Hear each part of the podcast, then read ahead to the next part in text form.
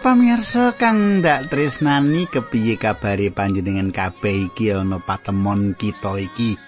Apa panjenengan diberkahi Gusti? Apik-apik kabeh, bagas waras, sehat. Iyo.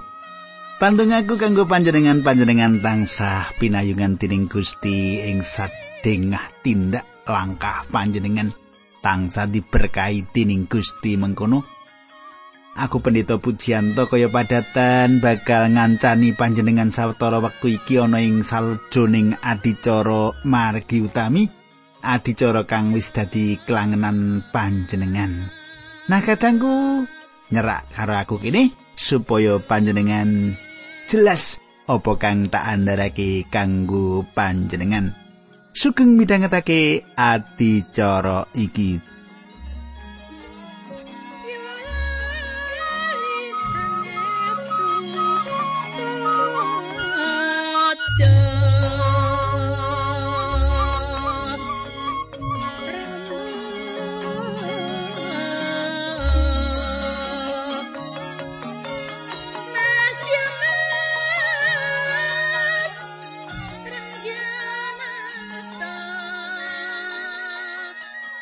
Sumitraku kita lagi wae nyinau buku kaimaman pasal 11 ayat 1 tekan telu sing meratelake kaya ngopo nggone banget tumemen Allah mrehatinake uripe umat kagungani. Nganti babab sing sepele ora klimengan ing pamirsane ora ana sing keri. Kepriye munggo wedare ayat papatan sak teruse arep kita semak bebarengan nanging monggo kita ndedonga dhisik. Duh Kanjeng Rama ingkang adhedhapar wonten kraton ing kasuwargan kawula ngaturaken gunging panuwun menawi wekdal menika kawula saged tetunggilan saged sesarengan kalian sedherek-sedherek kawula ingkang saestu siya tuhu midhangetaken adicara menika. Paduka berkahi Gusti Yesus. Adicara menika paduka dadosaken sarana kangge nyataken sedherek-sedherek kawula ingkang samenika nembe ringkih. Dinambaran asmanipun Gusti Kawula Yesus Kristus kawula ndedonga haleluya amin.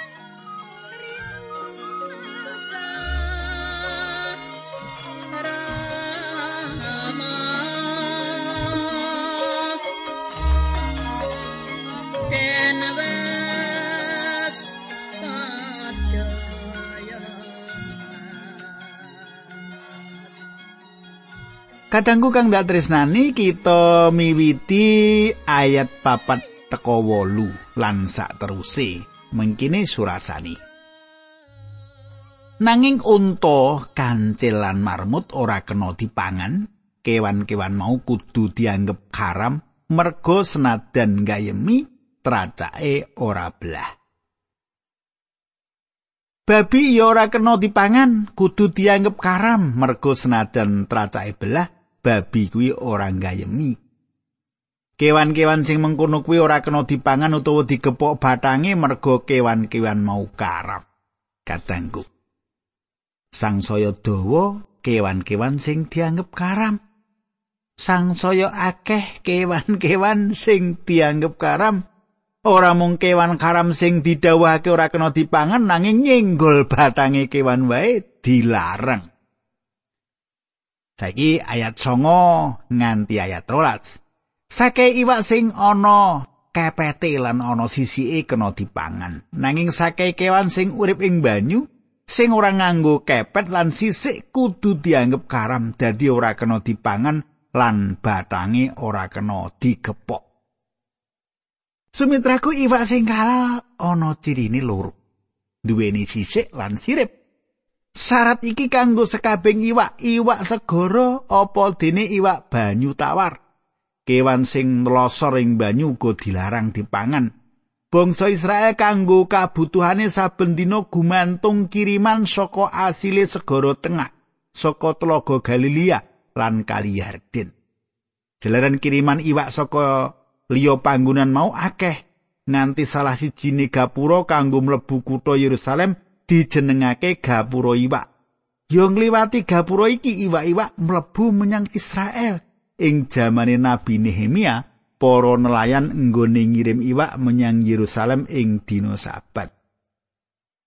Saiki Nehemia bab 13 ayat 16 nganti ayat 22. Mangkene surasane ana wong sawetara saka tilu sing manggon ing Yerusalem padha nggawa iwak lan barang dagangan rupa-rupa menyang Yerusalem ing dina Sabat arep didol marang rakyat.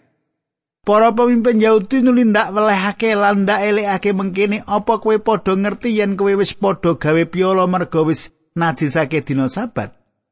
Ya mergo dosa sing mengkene-mengkene iki para luhur kita padha dihukum dening Allah lan kutha iki digempur. Apa kowe saiki arep nambahi dukane Allah marang Israel srana nggonmu najisake dina sabat? Mulane aku banjur perintah supaya lawang-lawange gapura ditutup ngarepake dina sabat.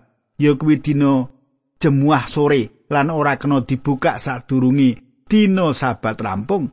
Ya kuwi dina Sabtu sore, saben lawange gapura ndak kon jaga wong-wongku ndak kon ngawasi supaya ing dina sabat aja ana barang dagangan digawa mlebu kutha.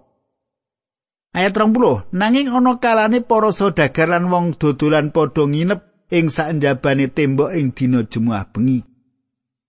Wong-wong mau padha ndak kandhani, ora ana gunane kowe nunggu tekan esuk awas yen kowe nindakake sing kaya mengkono sepisan kas, kowe mesti ndak cekel.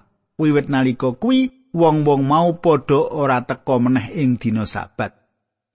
Aku banjur akon wong-wong lewi padha nucekake awake lan njaga lawanging gapura kanggo ngawasi supaya saben wong padha nucekake dina sabat.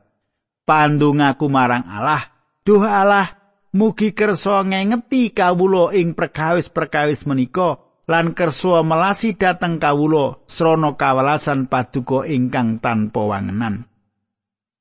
Kadangku sebagian murid Gusti Yesus iku pegaweane amek iwak utawa dadi nelayan. Mula kahanan iku banjur dadi penting mungguing dol tinuku iwak-iwak mau. Kegayutan karo peladosane Gusti Yesus, malah murid-murid kawitan kabeh makaryo dadi nelayan. Mula cocok karo pakaryan tukang jolo iwak didadekke tukang jolo menungso. Coba panjenengan semak Matius telulas ayat patang puluh pitu nganti seket. Kratone Allah kuwi kaya upama jolo sing ditibake ing tlaga lan oleh iwak rupa-rupa. Bareng jolo mau wis kebak, banjur ditarik menyang daratan dening para nelayan. Nelayan-nelayan banjur lungguh mili iwak-iwak mau sing apik diwadahi lan sing ala dibuang. Kaya mengkono uga kaanane ing pungkasaning jaman, malaikat-malaikat bakal misahake para wong ala saka ing antarané para wong mursid. Sawise mengkono wong-wong ala mau bakal dibuang lan kacemplungake ing pawon sing murup. Ana ing kono wong-wong mau bakal padha nangis lan geget untu. Kadang Gusti Yesus nyritakake bab kratoning swarga. Gusti Yesus nceritake bab kratoning swarga kaya dene nelayan sing lagi njolo. Nule entuk-entukane, entuk-entukane dipilih sing apik lan sing ala. Sing ala dibuang, sing apik dikelumpukake, sing dibuang sing haram, sing ora ana sisik lan siripe. Sisik lan siripe iwak iku dadi sandangane kaya sandangane wong percaya yaiku kayektene Gusti Yesus ing pitulungane Sang Roh Suci. Saiki kita teruske kaimaman bab 11 ayat 13 nganti 19. Kowe ora kena mangan bangsane manuk-manuk iki, manuk garuda, manuk bidu, bangsane wulung, gagak lan manuk unta, manuk tahmas. Blekok lan sakabeh manuk bangsane bango, kontul, drembolok lan kalong. Kadangku kanggone bangsa manuk ora ana ciri kaya dene kewan utawa bangsane iwak. Manuk sing dianggep haram yaiku manuk sing mangan batang, sing mangan iwak utawa mangsa sebangsane dhewe. Hukume Musa iki ditujokake marang bangsa Israel klebu sing padha manggon ing tanah Palestina. Manuk-manuk iki sing klebu manuk kemproh, panganane sing reget-reget. Larangan iki kaya dene panggula wentah marang Israel supaya bisa milih endi sing apik lan endi sing ala. Bisa milih endi sing halal lan endi sing haram Kanggo kita uga mengkono, kita bisa nemtokake dhewe milih Sang Kristus minangka juru wilujeng apa ora? Milih maos kitab suci apa ora? Milih urip kanthi kayekten sing dipimpin sabdane Gusti apa ora? Pepilihan iki pancet gumantung marang kita manungsa. Mula ayo kanthi bebas kanthi legawa panjenengan sing nemtokake pribadi panjenengan. Ing bagian iki uga nyritakake pengalamane Elia. Elia ora mangan daginge manuk gagak haram. Nanging malah manuk gagak iku sing ngopeni uripe Nabi Elia ing pinggire kali kerit. Saiki kaimaman 11 ayat 30 nganti 13. Kabeh kewan gumremet sing nganggo swiwi kudu dianggep karam. Kejaba sing bisa mencolot kayata walang jangkrik walang kadung kuwi kena kok pangan. Katangku bangsa Israel dikeparengake mangan sebangsane walang. Coba panjenengan enget-enget Yohanes Pembaptis rak yo mangan walang karo madu alas to? Kelingan ora panjenengan? Wah kula mboten ngertos ya Pak. Ora tau maca kitab apa piye? Nggih harang kading. Ding diwaca apa bendinane? guyu gitu. Nah saiki kaimaman 11 ayat 24 nganti 28. Yen nganti gepok batange kewan-kewan sing nganggo tracak. Kejaba kewan sing tracake blah lan gayemi, sarta kewan sikil papat sing ana cakare, kowe dadi najis tekan wayah surup. Sing sapa nggawa batange kewan-kewan mau, sandangane kudu dikumbah lan iyo dianggep najis tekan wayah surup. Katangku, bangsa Israel ora mung dilarang mangan kewan sing karam. Nanging uga batange kewan sing karam ora kena digepok singgul nyenggol batange wae dianggep najis utawa kotor. Ana aturan sing penting ing ayat iki najis bisa kelakon srana mung nyenggol wae. Nanging yen nyucikake ora bisa mung srana nyenggol wae dadi ora bisa njupuk samu barang sing suci saka sing ora suci utawa najis. Sing najis bisa nulari sing ora najis. Manungsa sing kahanane dosa luput najis ora bisa ditampa dening Allah. Lamun to makarya apa wae? Jalaran apa? Jalaran asile saka si dosa uga ngemu dosa. Jalarane ya kuwi hasil saka si dosa iku ngemu dosa. Ora bisa resik dijupuk saka sing kotor. Sak galon banyu sing kotor reget ora bisa diresiki sarana nambahi sak galon banyu sing resik. Tetep banyu kuwi kotor. Sono uga setetes banyu sing kotor bakal ngrusak banyu sak galon. Bocah sing lara tampak ora bisa waras mung serana nyinggol bocah sing sehat. Malah sing sehat bisa ketularan sing lara mau. Wong percaya wong Kristen ora bisa urip kanthi cara uripe wong donya dolanan dosa. Wis mesti bakal ketularan dosa. Wong Kristen ora bisa urip kanthi mabu-mabuan mendem-mendeman pesta-pesta sewengi puput ing panggonan lampu sing remeng-remeng. Awas iku dalan sing tumuju menyang dosa. Coba panjenengan waca Yudas 1 ayat 23 Wong-wong kuwi padha entasna saka ing geni murih slameti. Welas asihmu tundukno marang wong-wong liyane dikanten ana rasa wedi nanging padha sengita karo sandangane wong-wong sing dijemberake dening pepinginan pepikinane daging. Banget membayani yen kita gulet utawa srawung karo pakarti dosa. Waspada akeh bebaya sing ana kiwa lan tengen kita. Iki pengajaran wigati kanggo kita. Wong Kristen uripe disucikake dening Allah kanthi panebuse Sang Kristus. Nuli katutupan dening kayekteni, elingen yen kita urip ing donya, yen ora ngati-ati bisa kaluputan dosa, kalepetan dosa. Kita iki isih duweni wawatekan urip sing lawas. Yen kena panahe dosa, kita bakal ilang tanpa dadi ing ngarsane Allah. Saiki diterusake kaimaman ayat 29 teko 30 bab 11. tikus lumrah tikus werok tikus piti lan kadal sarupaning kodhok landak menyawa bengkarong keong lan bungklon kudu dianggep najis ayat 31 nganti 34 sing sapa ngepok batange kewan-kewan mau dadi najis tekan surup? Yen batange kewan kuwi nibani sawening barang barang mau dadi najis. Barang lan piranti apa wae? Sing ketiban dadi najis lan kudu dikumbah nganggo banyu. Senajan wis dikumbah barang mau tetep najis tekan surup. Ya piranti sing digawe saka kayu tenunan kulit utawa saka bagor ayat telung puluh telu tekan telung puluh enam yen batange kewan mau kacemplung ing kuali, kuali saisine dadi najis kabeh, kuali mau kudu diremuk. Panganan sing lumrahe kena dipangan nang yen kesiram banyune kuali mau dadi najis, semono uga omben-omben ing wadah sing kacemplungan batang mau ya dadi najis. Sakai barang sing ketiban batang kaya mengkono mau dadi najis. Anglolan luweng sing ketiban kudu diremuk. Sakabeh barang sing kagepok batang mau dadi najis kajaba etuk utawa sumur kuwi dianggep tetep resik. Katangku Gusti Allah memulang marang kita supaya mangano apa sing resik.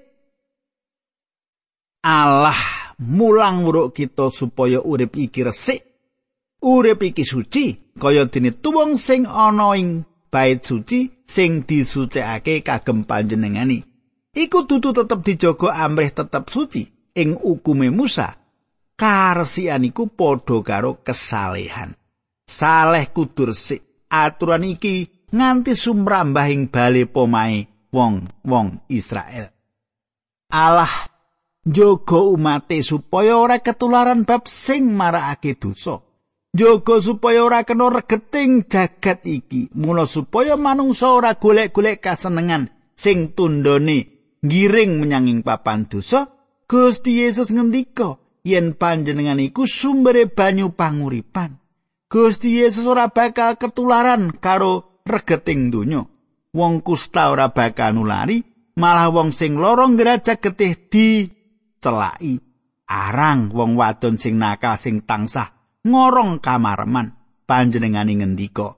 Yohanes 4 ayat 14 nanging wong sing ngombe banyu sing ndak wenehake selawase ora bakal ngelak. Awit banyu sing ndak wenehake kuwi bakal dadi sumber sing mili terus lan dadake wong mau lestari urip ing selawase. Saiki kaimaman bab 11 ayat 31 nganti 38 coba panjenengan kateke ya.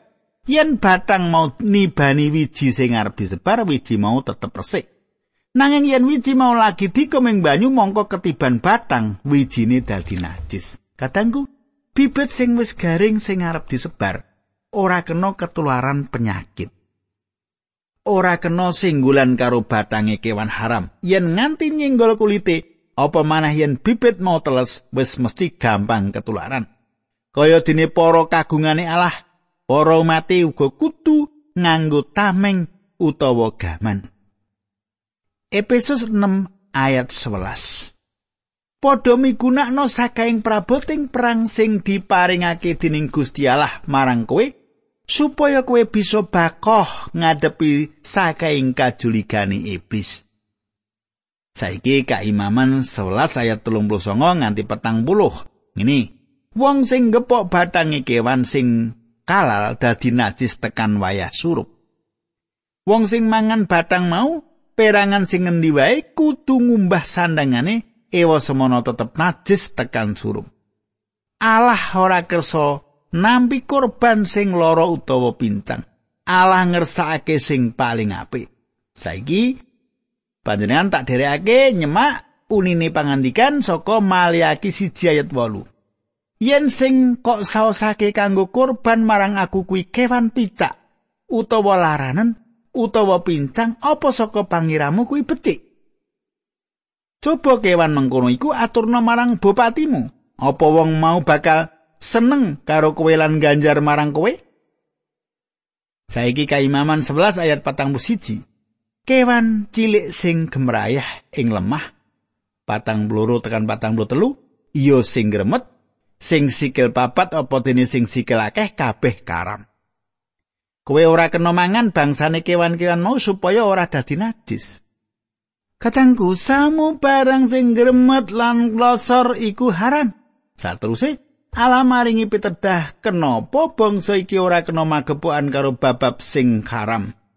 Kaimaman 11 ayat 44 aku iki Allahmu mulane awakmu reksanen supaya tetep suci mergo aku iki suci. Ayat 45 tekan 47.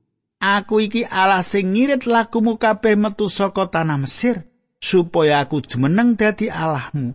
Kowe padha dadi suci mergo aku iki suci.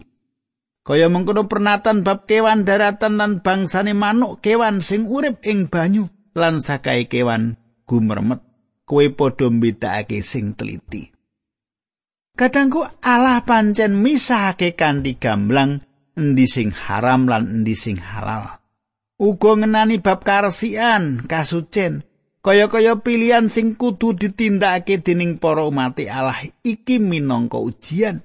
Gusti Allah ngendika, Gusti Allah wis maringi pitedah bab bedane kewan halal lan kewan haram kanthi cetha to kasucen ing bab sing dianggep sepele kuwi penting. Iki ujian tumrap para umat Allah. Setya marang bab sing dianggep remeh malah bab-bab remeh iki dadi watu pendadar tumrap kabeh wong percaya Gusti Allah ngendika ing siji Petrus siji ayat 15 malah padha disuci ing sadingah perkara sing kok lakoni sajroning uripmu kaya dene Gusti Allah kang nimbali kowe iya suci. Katangku, panjenengan kudu kanthi ati sing mantep, mutusake yen tansah kepengin urip cedhak karo Allah. Jalaran dunyane wis tuwa karo maneh kebak duraka lan dosa. Panjenengan pirsa donya itu kebak duraka, kebak dosa. Kebak apus-apus ketoke kaya pemimpin, ketoke kaya iso ditiru. Nanging jebolane tibake ora iso ditiru. Nah, katangku, semene dhisik atur pasugatanku karo panjenengan, muga panjenengan diberkahi dening Gusti Allah lumantar apa sing tak aturake marang panjenengan. Saiki monggo kita ndedonga. Duh Kanjeng Rama ing swarga kawula ngaturaken gunging panuwun menawi wekdal menika saged midhangetaken sabda pangandikan paduka. Kawula matur nuwun sanget Gusti Yesus sawit firman patuko pangandikan patuko saged kawula gegilut rinten kalian dalu dinambaran asmanipun Gusti Yesus Kristus kawula tunggu haleluya amin